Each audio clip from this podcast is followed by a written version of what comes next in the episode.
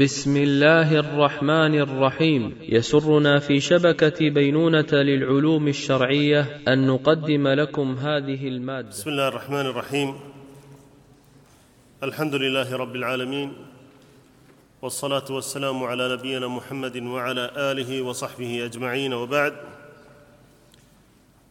فهذا مجلسنا الثالث ضمن مجالس شرح رسالة في الدماء الطبيعية عند النساء للإمام العلامة بن عثيمين رحمه الله تعالى. ضمن برنامج دورة الإمام مالك الحادية عشرة.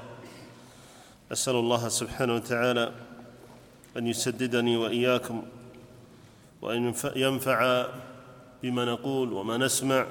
إنه سبحانه وتعالى ولي ذلك. وصلنا إلى حيض الحامل. وصلنا إلى حيض الحامل. نعم. بسم الله والحمد لله والصلاة والسلام على نبينا محمد وعلى آله وصحبه أجمعين. اللهم اغفر لنا ولشيخنا ولجميع المسلمين. قال المصنف رحمه الله حيض الحامل. الغالب الكثير أن, أن الأنثى إذا حملت انقطع الدم عنها. قال الإمام أحمد رحمه الله إنما تعرف النساء الحمل بانقطاع الدم فإذا رأت الحامل الدم فإن كان قبل الوضع بزمن يسير كاليومين أو الثلاثة أو الثلاثة ومعه طلق فهو نفاس. وإن كان قبل الوضع بزمن كثير أو قبل الوضع بزمن يسير قبل الوضع الأولى عندك أو الطلق الوضع. لعلها قبل الطلق. الله إليك لكن ليس معه طلق. وإن كان قبل الطلق بزمن كثير أو قبل الوضع بزمن يسير. نعم. لكن ليس معه طلق فليس بنفاس. لكن هل يكون حيضا تثبت له أحكام الحيض أو يكون دم فساد لا يحكم له بأحكام الحيض؟ ففي هذا خلاف بين أهل العلم. والصواب أنه حيض إذا كان على الوجه المعتاد في حيضها لأن الأصل فيما يصيب المرأة من الدم أنه حيض. إذا لم يكن له سبب يمنع من كونه حيضا. وليس في الكتاب والسنة ما يمنع حيض الحامل. وهذا هو مذهب مالك والشافعي واختيار شيخ الإسلام ابن تيمية قال في الاختيارات وحكاه البيهقي رواية عن أحمد بل حكى أنه رجع إليه انتهى. وعلى هذا فيثبت لحيض الحامل ما يثبت لحيض غير الحامل إلا في مسألتين. المسألة الأولى الطلاق فيحرم طلاق من تلزمها عدة حال الحيض في غير الحامل.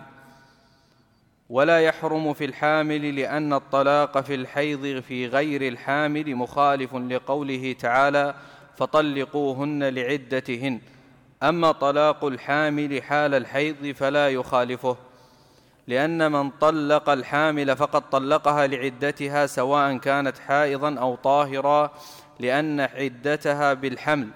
ولذلك لا يحرم عليه طلاقها بعد الجماع بخلاف غيرها. المسألة الثانية أن حيض الحامل لا تنقضي به عدة بخلاف حيض غيرها لأن عدة الحامل لا تنقضي إلا بوضع الحمل. سواء كانت تحيض أم لا لقوله تعالى واولاه الأحمال أجلهن أن يضعن حملهن. نعم. تكلم رحمه الله تعالى هنا عن حيض الحامل وهو قول القول الذي ذكره رحمه الله تعالى من أن الحامل تحيض هو قول المالكية والشافعي في الجديد. وذكر عن أحمد أنه رجع إليه كما نقله المصنف رحمه الله تعالى. وأهل العلم مختلفون في حيض الحامل فالذي عليه الحنفية والحنابلة في المشهور والشافعية في القديم الشافعي في القديم إلى أن الحامل لا تحيض. إلى أن الحامل ذهبوا إلى أن الحامل لا تحيض. والمصنف رحمه الله تعالى رجح أن الحامل تحيض بأمور. طبعا ذكرنا أن الحيض صورته. وهذه مسألة مهمة جدا. صورة الحيض عند المرأة وحقيقته عند المرأة هو انهيار لجدار جدار الرحم. فهل هذا يتعارض مع حيضها أو لا؟ تذكروا هذه الصورة حتى يعني تتضح المسألة في النقاش بحول الله سبحانه وتعالى. والمصنف رحمه الله تعالى ذكر أمورا منها ما يتعلق بالنفاس وسيأتي إن شاء الله الكلام عن النفاس في موضعه. سيأتي الكلام عن النفاس في موضعه بحول الله سبحانه وتعالى. لكن بالنسبة لهذا الدم الذي يصيب المرأة الحامل هل هو دم صحة أو دم فساد؟ دم صحة ما معناه؟ دم حيض. ودم فساد معناه استحاضة. فهل هو دم دم صحة أو هو دم دم فساد؟ فذكر رحمه الله تعالى أن الصواب أن من كانت لها حيضة معتادة أن هذا يكون من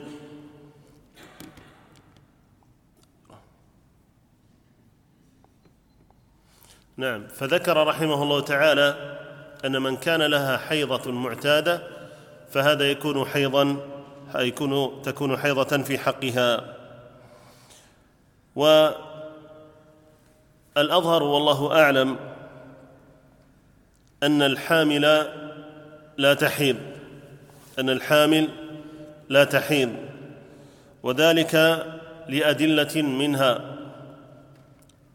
قول الله تعالى واولاه الأحمال أجلهن أن يضعن حملهن. قال واولاه الأحمال أجلهن أن يضعن حملهن. فجعل الله سبحانه وتعالى العبرة في انقضاء أجل العدة للحامل جعل العبرة في انقضاء أجل العدة للحامل هو وضع الحمل. ولو كانت الحامل لها حيضة أو كان الحيض معتبرا في الحمل لما أغفله الله سبحانه وتعالى. ولبين حكمه من هذا الوجه. ولبين حكمه سبحانه وتعالى من هذا الوجه. فجعل الله سبحانه وتعالى الاعتبار في الأجل ولم يجعل الله سبحانه وتعالى الاعتبار في حيض الحامل. وقد ثبت عن أم المؤمنين عائشة رضي الله عنها ولا مخالف لها في ذلك أنها قالت الحامل لا تحيض الحامل لا تحيض تغتسل وتصلي تغتسل وتصلي. وهذا أخرجه ابن أبي شيبة وعبد الرزاق والدار قطني وغيرهم. وهو ثابت عنها رضي الله عنها وجاء عنها في الرواية الأخرى أنها تحيض وفيه بحث ويعني الأقرب ضعفه والله أعلم. يعني أنها قوله أنها تحيض. لكن الأظهر والأرجح رواية أن الحامل لا تحيض وقولها تغتسل هذا من جهة استحباب الغسل للمستحاضة وسيأتي الكلام عليه. وقال ابن عبد الهادي في التنقيح قال أبو بكر الأثرم لأبي عبد الله ما ترى في الحامل ترى الدم تمسك عن الصلاة؟ قال لا. قال قلت أي شيء أثبت في هذا الباب؟ فقال أنا أذهب في هذا إلى حديث محمد بن عبد الرحمن مولى آل طلحة عن سالم عن أبيه أنه طلق امرأته وهي حائض فسأل عمر النبي صلى الله عليه وآله وسلم فقال مره فليراجعها.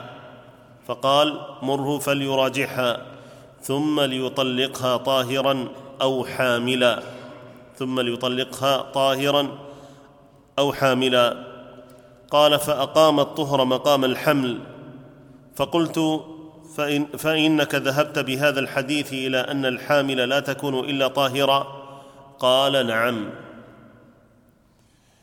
وأما من جهة حقيقة الحيض وصورته فذكرنا أن الحيض من جهة الواقع أنه انهيار لجدار رحم المرأة الداخلي فإذا كان جدار الرحم ينهار فلا شك أن الحمل لن يثبت وسيسقط هذا الحمل ولا يستقر في الرحم. وبهذا والله أعلم. تميل النفس إلى أن الحامل لا تحيض والله أعلم. نعم. قال رحمه الله الفصل الثالث في الطوارئ على الحيض. الطوارئ على الحيض أنواع. النوع الأول زيادة أو نقص. مثل أن أن تكون عادة المرأة ستة أيام فيستمر بها الدم إلى سبعة أو تكون أو تكون عادتها سبعه سبعة أيام فتطهر لستة. النوع الثاني تقدم أو تأخر مثل أن تكون عادتها في آخر الشهر فترى الحيض في أوله أو تكون عادتها في أول الشهر فتراه في آخره. وقد اختلف أهل العلم في حكم هذين النوعين والصواب أنها متى رأت الدم فهي حائض ومتى طهرت منه فهي طاهر سواء زادت عن عادتها أم نقصت وسواء تقدمت أم تأخرت وسبق ذكر الدليل على ذلك في, في الفصل قبله حيث علق الشارع أحكام الحيض بوجوده. وهذا وهذا مذهب الشافعي واختاره شيخ الإسلام ابن تيمية وقواه وقواه صاحب المغني فيه ونصره. وقال ولو كانت العادة معتبرة على الوجه المذكور في المذهب لبينه النبي صلى الله عليه وسلم لأمته ولما وسعه تأخير بيانه إذ لا يجوز تأخير البيان عن وقته.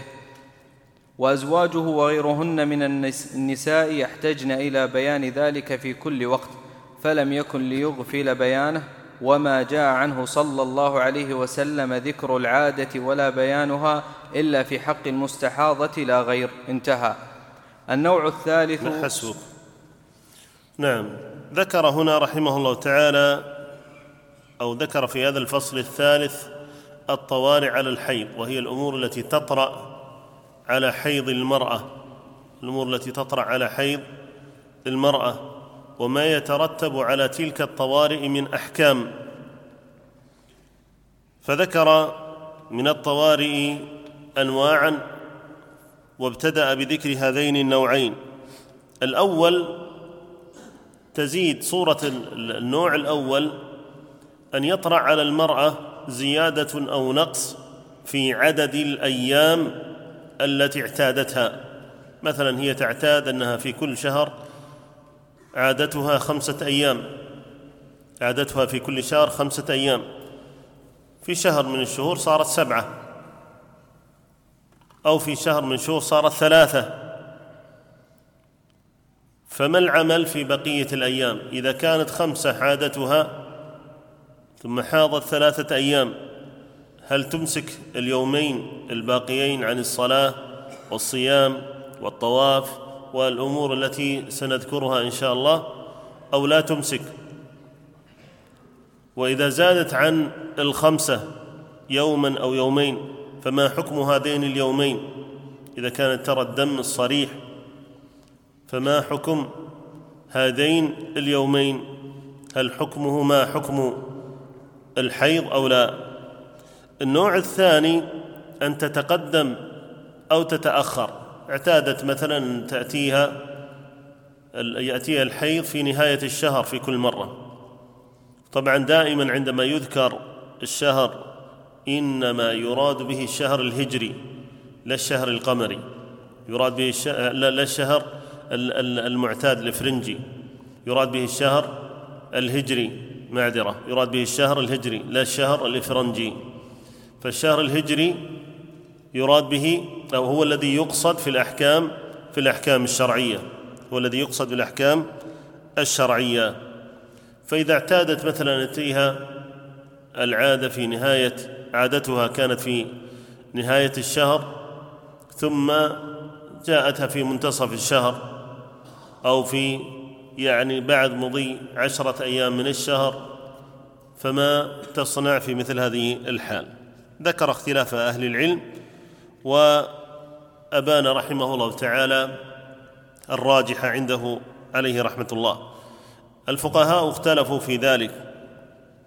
اولا في خلاف العادة بزيادة أو نقص بزيادة أو نقص.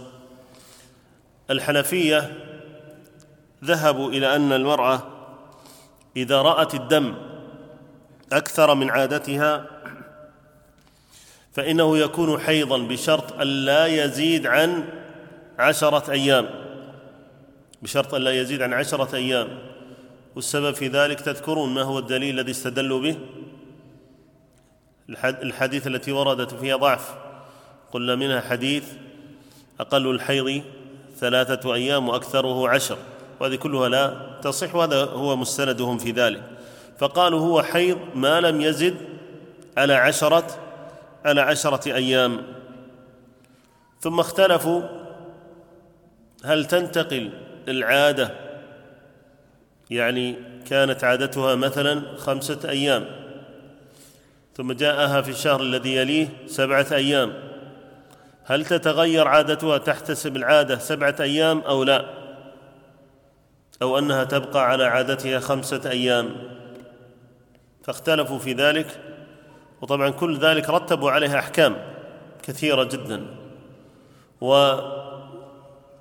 والصواب الله أعلم حتى ما يعني نقرب بعض المسائل وسيأتي إن شاء الله كلام عليها العادة أكثر ما يحتاج إليها في مسائل الاستحاضة. العادة أكثر ما يحتاج إليها في مسائل في مسائل الاستحاضة. إن شاء الله نتكلم عنها بحول الله سبحانه وتعالى في موضعها. لكن بالنسبة لغير الاستحاضة بالنسبة للعادة فالصواب هو ما ذكره المصنف رحمه الله تعالى. على كل حال نرجع إلى كلام قلنا الحنفية قالوا أنها تعتبر حيضا ما لم يزد على عشرة على عشرة أيام. وذهب المالكية إلى أنها تستظهر بثلاثة أيام يعني عادتها خمسة أيام. فتزيد عليها ثلاثة أيام تستظهر بها وتتأكد بهذه الثلاثة أيام أنها يعني أنها حيض أو لا. ثم تست ثم تغتسل. يعني قالوا تغتسل استحبابا وتصلي. لكن لا يقربها زوجها. لكن لا يقربها زوجها. وبعض المالكية قالوا تجلس عادتها وما زاد فهو استحاضة. وذهب الشافعية إلى أنه حيض ما لم تبلغ خمسة عشر يوما. فقول الشافعية والحنفية متقارب إلا من جهة عدد من جهة عدد الأيام. والسبب في اختيار خمسة عشر يوم هو الذي ذكرناه في الدرس الماضي من جهة الكلام على أكثر أكثر الحيض. وذهب الحنابلة إلى أنها تعتبر عادتها وأيامها التي اعتادت عليها وتغتسل وتصلي حتى لو استمر الدم. يعني لو حتى رأت أن الدم مستمر معها فتعتبر عادتها فقط ولا تلتفت إلى بقية الأيام.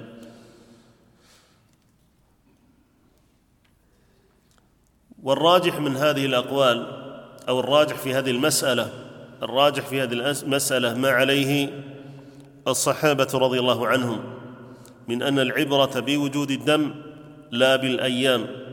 العبرة بوجود الدم لا بالأيام. قال ابن عباس رضي الله عنهما إذا رأت الدم البحراني فلا تصلي. إذا رأت الدم البحراني فلا تصلي.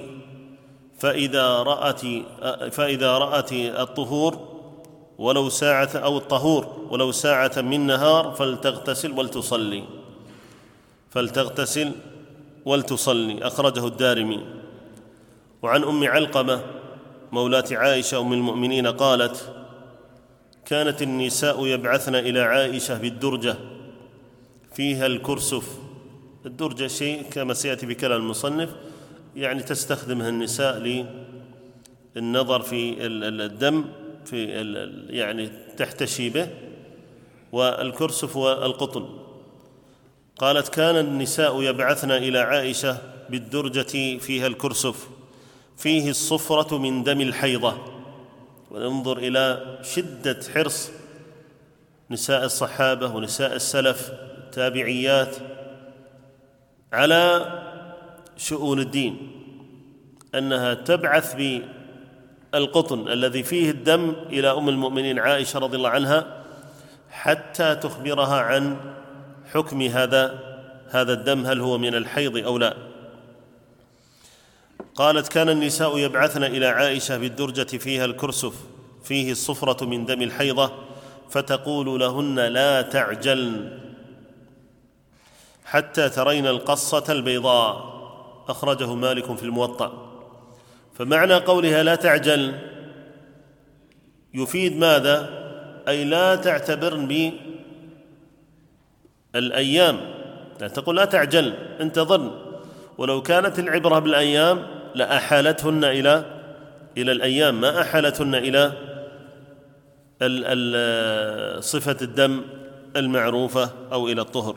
والله سبحانه وتعالى يقول في كتابه ويسألونك عن المحيض قل هو أذى فاعتزلوا النساء في المحيض ويقول النبي صلى الله عليه وسلم فإذا أقبلت حيضتك فدعي الصلاة وإذا أدبرت فاغسلي عنك الدم ثم صلي النبي صلى الله عليه وسلم فصل في هذه المسألة وجعل العبرة بإقبال الدم وإدباره فمتى ما رأت الدم أمسكت ومتى ما ذهب الدم أدبر الدم صلت واغتسلت.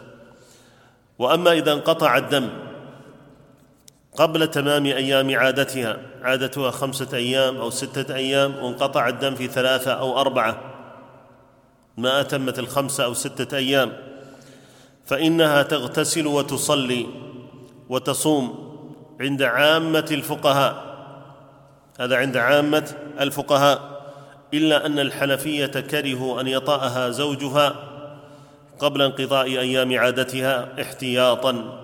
ولا دليل على ذلك والصواب عدم الاحتياط لأن الله تعالى لم يأمر به ولم يأمر به رسوله صلى الله عليه وسلم.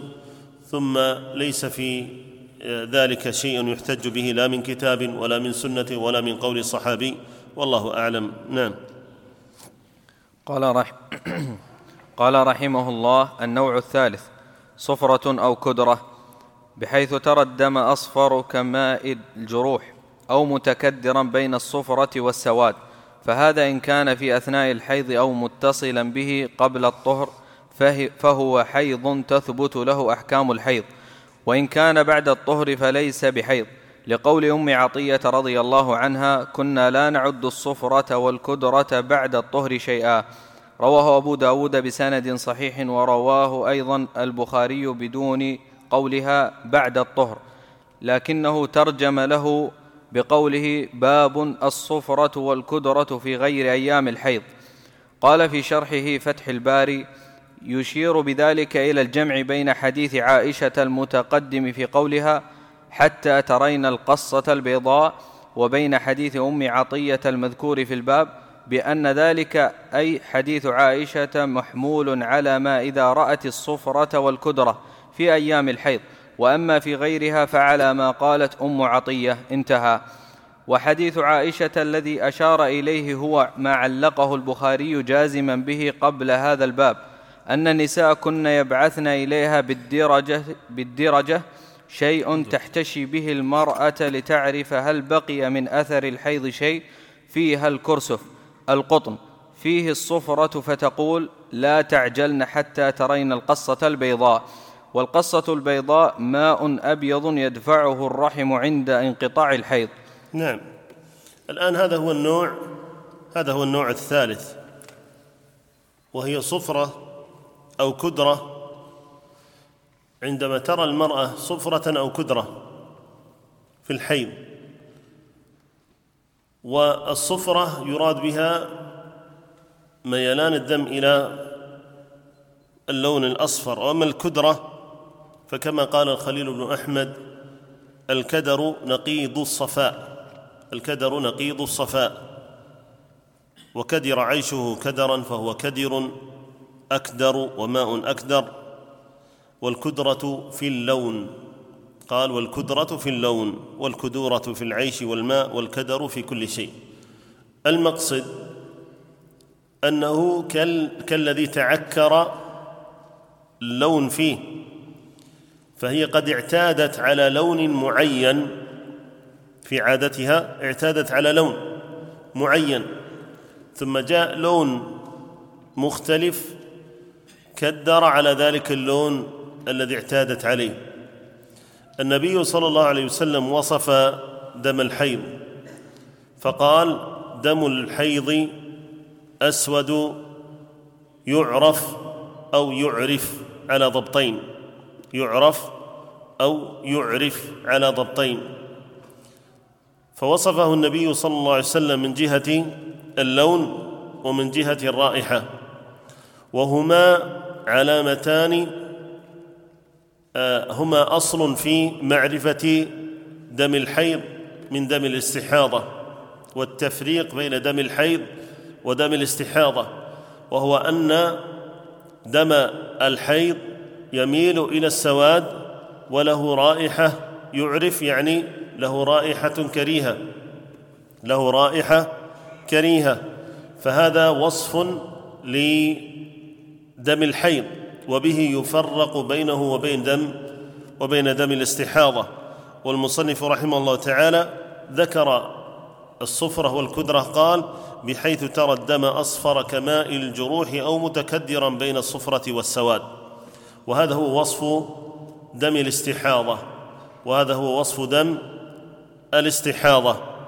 فهذا الفرق بين دم الحيض ودم الاستحاضة. دائما المرأة تتذكر هذين الوصفين.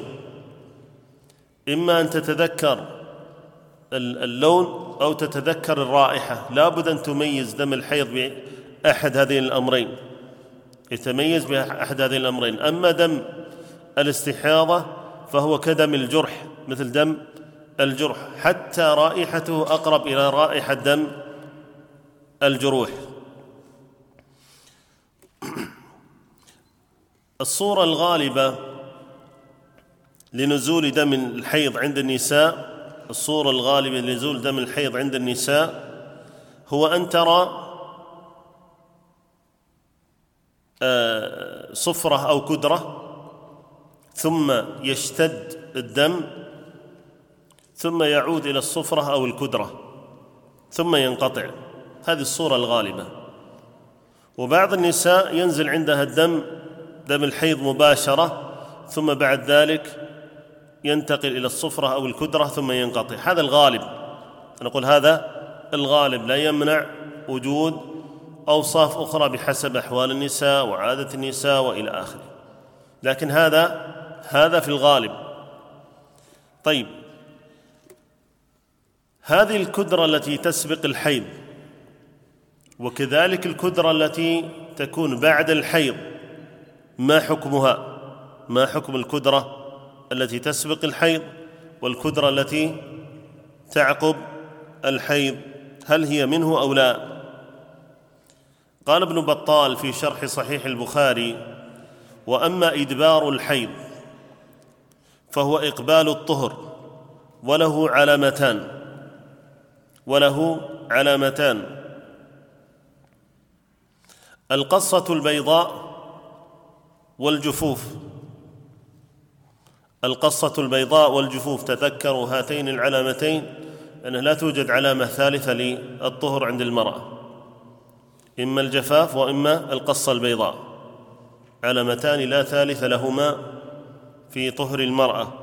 قال وأما إدبار الحيض فهو إقبال الطهر وله علامتان القصة البيضاء والجفوف وهو أن تدخل الخرقة فتخرجها جافة. وهو أن تدخل الخرقة فتخرجها جافة. والقصة البيضاء عرفها المصنف رحمه الله تعالى في هذا المتن بقوله والقصة البيضاء ماء أبيض يدفعه الرحم عند انقطاع الحيض. قال والقصة البيضاء ماء أبيض يدفعه الرحم عند انقطاع الحيض.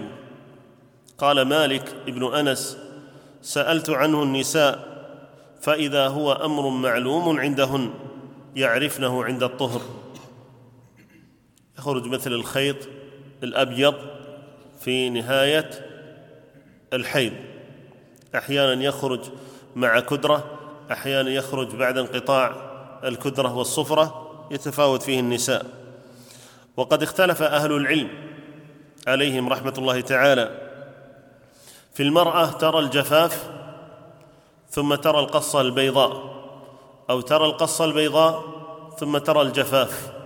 أيهما تعتبر به؟ أيهما تعتبر به؟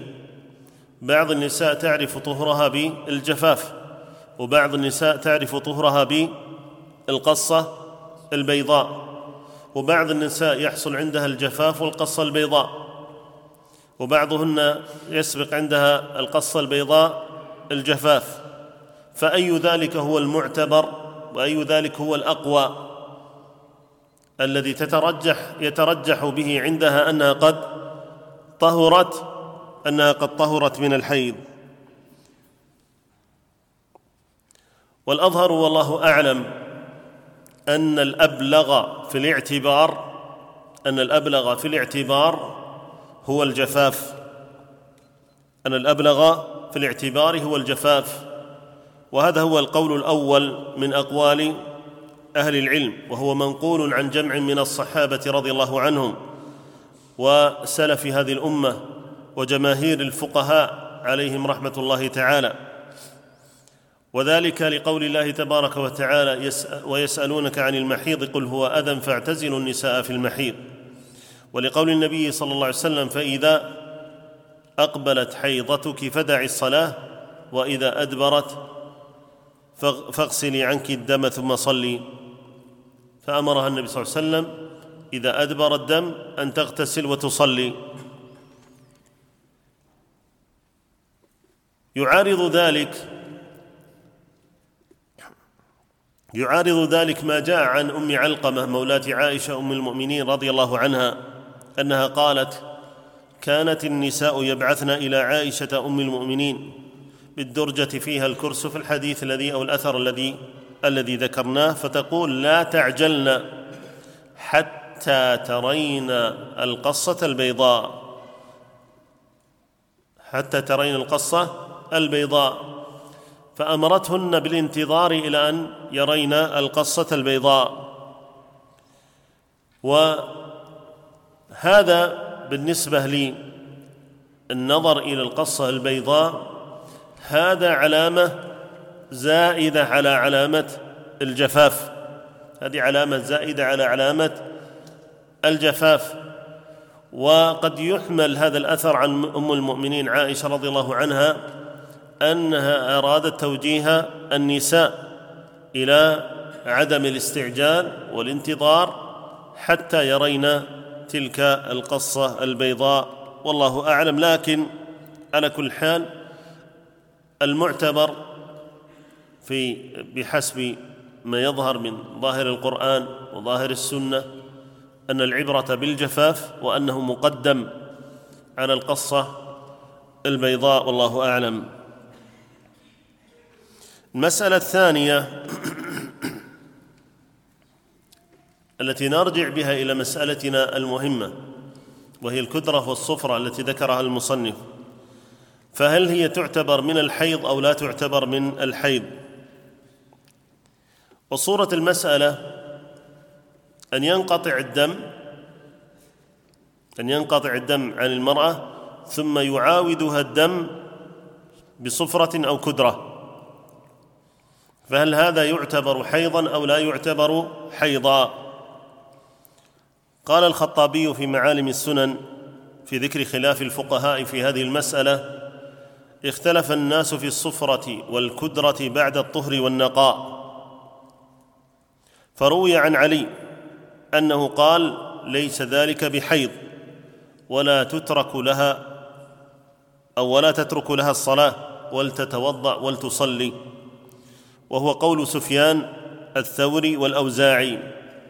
وقال سعيد بن المسيب إذا رأت ذلك اغتسلت وصلت به قال أحمد بن حنبل.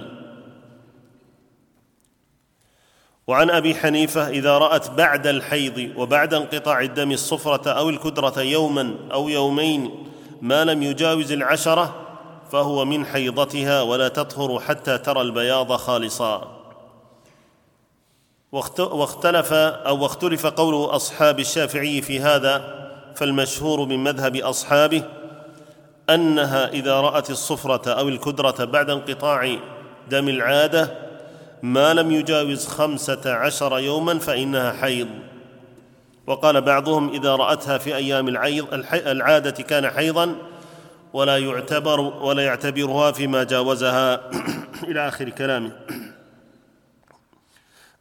نقول هذه أقوال الفقهاء عليهم رحمة الله تعالى والأظهر من ذلك والله أعلم أنه إذا انقطع الدم ثم وجدت المرأة كدره أو صفرة بعد انقطاعه فإنها لا تعتبره حيضا فإنها لا تعتبره حيضا لما ثبت في صحيح البخاري من حديث أم عطية رضي الله عنها قالت كنا لا نعد الكدرة والصفرة شيئا. زاد أبو داود كنا لا نعد الكدرة والصفرة والصفرة بعد الطهر شيئا. كنا لا نعد الكدرة والصفرة بعد بعد الطهر شيئا.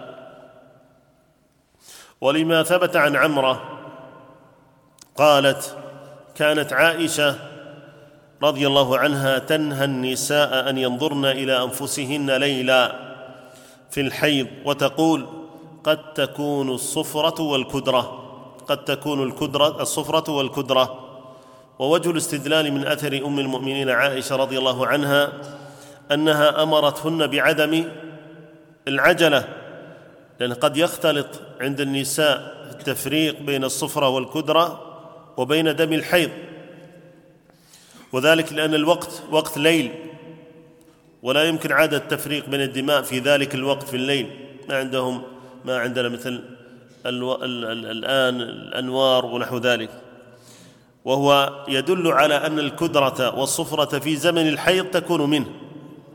فإذا لم تكن يعني آه، متصلة به فلا تكون منه. فالحاصل من ذلك أن الصواب أن الكدرة والصفرة إذا لم تتصل إذا لم تتصل بهذا القيد إذا لم تتصل بالحيض فلا عبرة بها وإنما تتوضأ منها المرأة ويكون حكمها حكم الاستحاضة كما سيأتي. وأما إذا كانت متصلة بالحيض فإنها تعتبر من الحيض. إذا كانت متصلة بالحيض فإنها تعتبر من الحيض. مسألة إذا رأت الصفرة والكدرة قبل نزول الحيض قبل نزول الحيض فهل يعد من الحيض أو لا؟ الصواب أنه إذا كان في زمن الحيض مع مقدماته مع مقدماته فهو منه إن اتصل به. المقدمات معروفة عند النساء من الألم وبعض الأوجاع التي تأتيها وبعض التغيرات المعروفة عند النساء. فإذا كان متصل بالحيض مع مقدماته فهو من الحيض وإلا فإنه إذا كان غير متصل به أو لم يكن في زمان عادتها فلا عبرة به فإنه إذا كان لا يعد بعد الطهر شيئا فكذلك لا يعد قبل وقته وعادتها شيئا. ولكن إذا كانت المرأة شاكة في الدم قبل نزول الحيض. قبل نزول الحيض هي شكت هل هذا منه أو لا؟ فالعبرة بماذا؟ باليقين. واليقين لا يزول بالشك والأصل فيها الطهارة لأنها كانت طاهرة قبل قبل ماذا؟ قبل أن يأتيها هذا الدم. فالعبرة بما كانت عليه قبل قبل نزول الدم وهو الطهارة. وأما إذا شكت وأما إذا شكت بعد الحيض أو في آخر الحيض كانت شاكة في هذه الصفرة أو الكدرة فالعبرة بماذا؟ باليقين. واليقين, واليقين لا يزول بالشك والأصل فيها أنها كانت على حيض فتعتبره من الحيض. هذا حال الشك والله أعلم. نعم. قال رحمه الله النوع الرابع تقطع في الحيض بحيث ترى يوما دما ويوما نقاء ونحو ذلك فهذان حالان الحال الأول أن يكون هذا مع الأنثى دائما كل وقتها فهذا دم استحاضة يثبت لمن تراه حكم المستحاضة.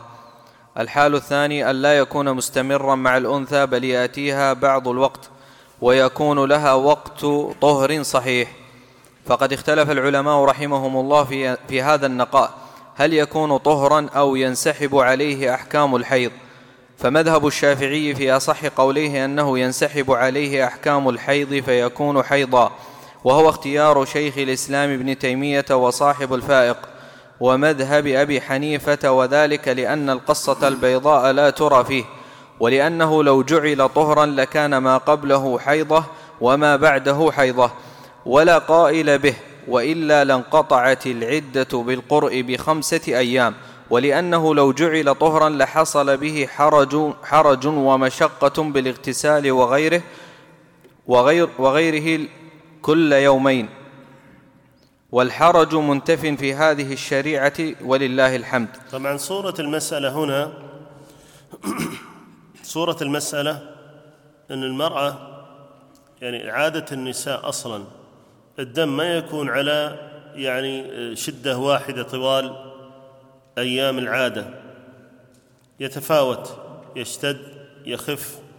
أحيانا ثم يرجع يشتد مرة أخرى. قد يشتد ليلا أو قد يشتد نهارا ويخف ليلا أو العكس. فيتفاوت فيه النساء.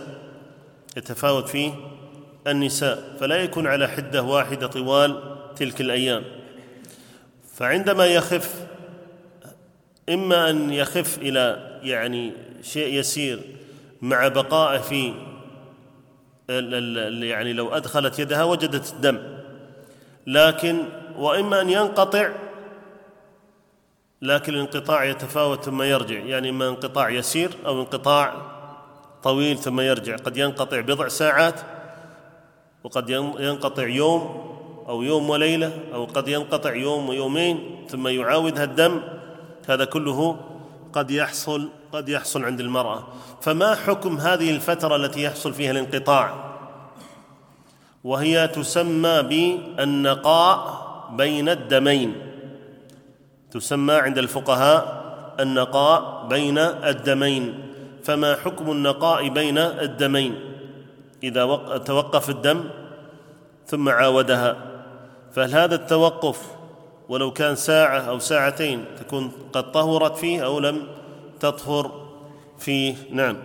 قال قال والمشهور من مذهب الحنابلة أن الدم حيض ونقاء والنقاء طهر إلا أن يتجاوز مجموعهما أكثر الحيض فيكون الدم المتجاوز استحاضة. وقال في المغني يتوجه أن انقطاع الدم متى نقص عن اليوم فليس بطهر. بناء على الرواية التي حكيناها في النفاس أنها لا تلتفت إلى ما دون اليوم وهو الصحيح إن شاء الله لأن الدم يجري مرة وينقطع أخرى وفي إيجاب الغسل على من تطهر ساعة بعد ساعة حرج ينتفي لقوله تعالى وما جعل عليكم في الدين من حرج قال فعلى هذا لا يكون انقطاع الدم أقل من يومين أقل من يومين طهرا. يوم. صلى الله إليكم فعلى هذا لا يكون انقطاع الدم أقل من يوم طهرا إلا أن ترى ما يدل, يدل عليه مثل أن يكون انقطاعه في آخر عادتها أو ترى القصة البيضاء انتهى. فيكون قول صاحب المغني صاحب المغني هذا صاحب المغني هذا وسطا بين القولين والله أعلم بالصواب. نعم أكمل المسألة بعدها النوع الخامس. النوع الخامس جفاف في الدم بحيث ترى الأنثى مجرد رطوبة فهذا إن كان في أثناء الحيض أو متصلا به قبل الطهر فهذا حيض. وإن كان بعد الطهر فليس بحيض لأن غاية حاله أن يلحق بالصفرة والكدرة وهذا حكمها. نعم. ذكرنا أن دم الحيض من المعلوم أنه لا يكون بحدة واحدة وبشدة واحدة طوال الأيام. يتفاوت في شدته وحدته وقد يخف وقد ينقطع أحيانا ويرجع. هذا هذا هو المعتاد. هذا هو المعتاد. لذلك بعض النساء قد تضطرب في مثل هذه الأحوال ويعني تظن أن هنالك خلل أو شيء. لا هي هذا هي عادة النساء أن الدم لا يكون على وتيرة واحدة طوال طوال الأيام. النووي رحمه الله تعالى يقول والفرق بين الفترة والنقاء هو ما نص عليه الشافعي في الأم والشيخ أبو حامد الإسفرائيني وصاحبه القاضي أبو الطيب الطبري على أن الفترة هنالك عندنا فترة وعندنا نقاء. فالآن يعرف الفترة يقول الفترة يعني من الفتور. الفترة هي من الفتور. كما جاء في الحديث إن لكل شرة فترة. الفترة يعني فتور فيفتر الدم يضعف الدم. قال على أن الفترة هي الحالة التي ينقطع فيها جريان الدم. ويبقى لوث ويبقى لوث وأثر بحيث لو أدخلت في فرجها قطنة يخرج عليها أثر الدم من حمرة أو صفرة أو كدرة. فهي في هذه الحالة حائض قولا واحدا طال ذلك أم قصر. وأما النقاء هو أن يصير فرجها بحيث لو جعلت القطنة فيه لخرجت بيضاء. يعني بيضاء ليس فيها أي دم. المقصود أنه ليس فيها دم. فنقول الدم إذا كان يخف ويبقى لوث ونحو ذلك هذا لا إشكال فيه فهو من هذا من الحيض لما سبق بيانه والكلام فيه في المسألة السابقة. تبقى المسألة الثانية وهي النقاء بين الدمين. آه، النقاء بين الدمين هذا في الفترات هذه المتقطعة. أهل العلم خلاصة أقوالهم في ذلك. ذهب بعض أهل العلم إلى أن النقاء إذا لم يبلغ خمسة عشر يوما فهو من الحيض ما دام أنه من عادة المرأة. ما دام أنه من عادة المرأة. وذهب بعضهم إلى أنه طهر مطلقا. ذهب بعضهم إلى أنه طهر مطلقا. فلو رأت الطهر ولو ساعة اغتسلت. فإن عاودها الدم فهي حائض. ثم رأت الطهر ولو ساعة اغتسلت. وذهب بعض أهل العلم إلى أنه طهر ما لم يكن الانقطاع يسيرا. ما لم يكن الانقطاع يسيرا. إذا كان الانقطاع يسير فليس بطهر وهو من الحيض. وأما إذا كان الانقطاع طويلا فهو من الحيض. وهذا هو الصواب من أقوال أهل العلم. وهو ظاهر مذهب الشافعي في الجديد. ورواية عن أحمد وهي أختارها ابن تيمية ورجحها المصنف رحمه الله تعالى. وذلك أن الدم عادته أنه يجري وينقطع في الغالب ويقل ويضعف يفتر ثم يشتد مرة أخرى. ولا يكون متصلا كل أيام الحيض بلا انقطاع فقد يخف قليلا. لكن الخلاف في المدة اليسيرة المذكورة والاعتبار باليوم الليلة له وجه والله والله أعلم. أظن انتهى عندنا الوقت. نقف هنا. أسأل الله سبحانه وتعالى لي ولكم السداد والتوفيق. إنه سبحانه وتعالى ولي ذلك والله أعلى وأعلم. صلى الله وسلم على نبينا محمد وعلى آله وصحبه أجمعين. للاستماع إلى الدروس المباشرة والمسجلة والمزيد من الصوتيات يرجى زيارة شبكة بينونة للعلوم الشرعية على الرابط بينونة دوت نت وجزاكم الله خيرا.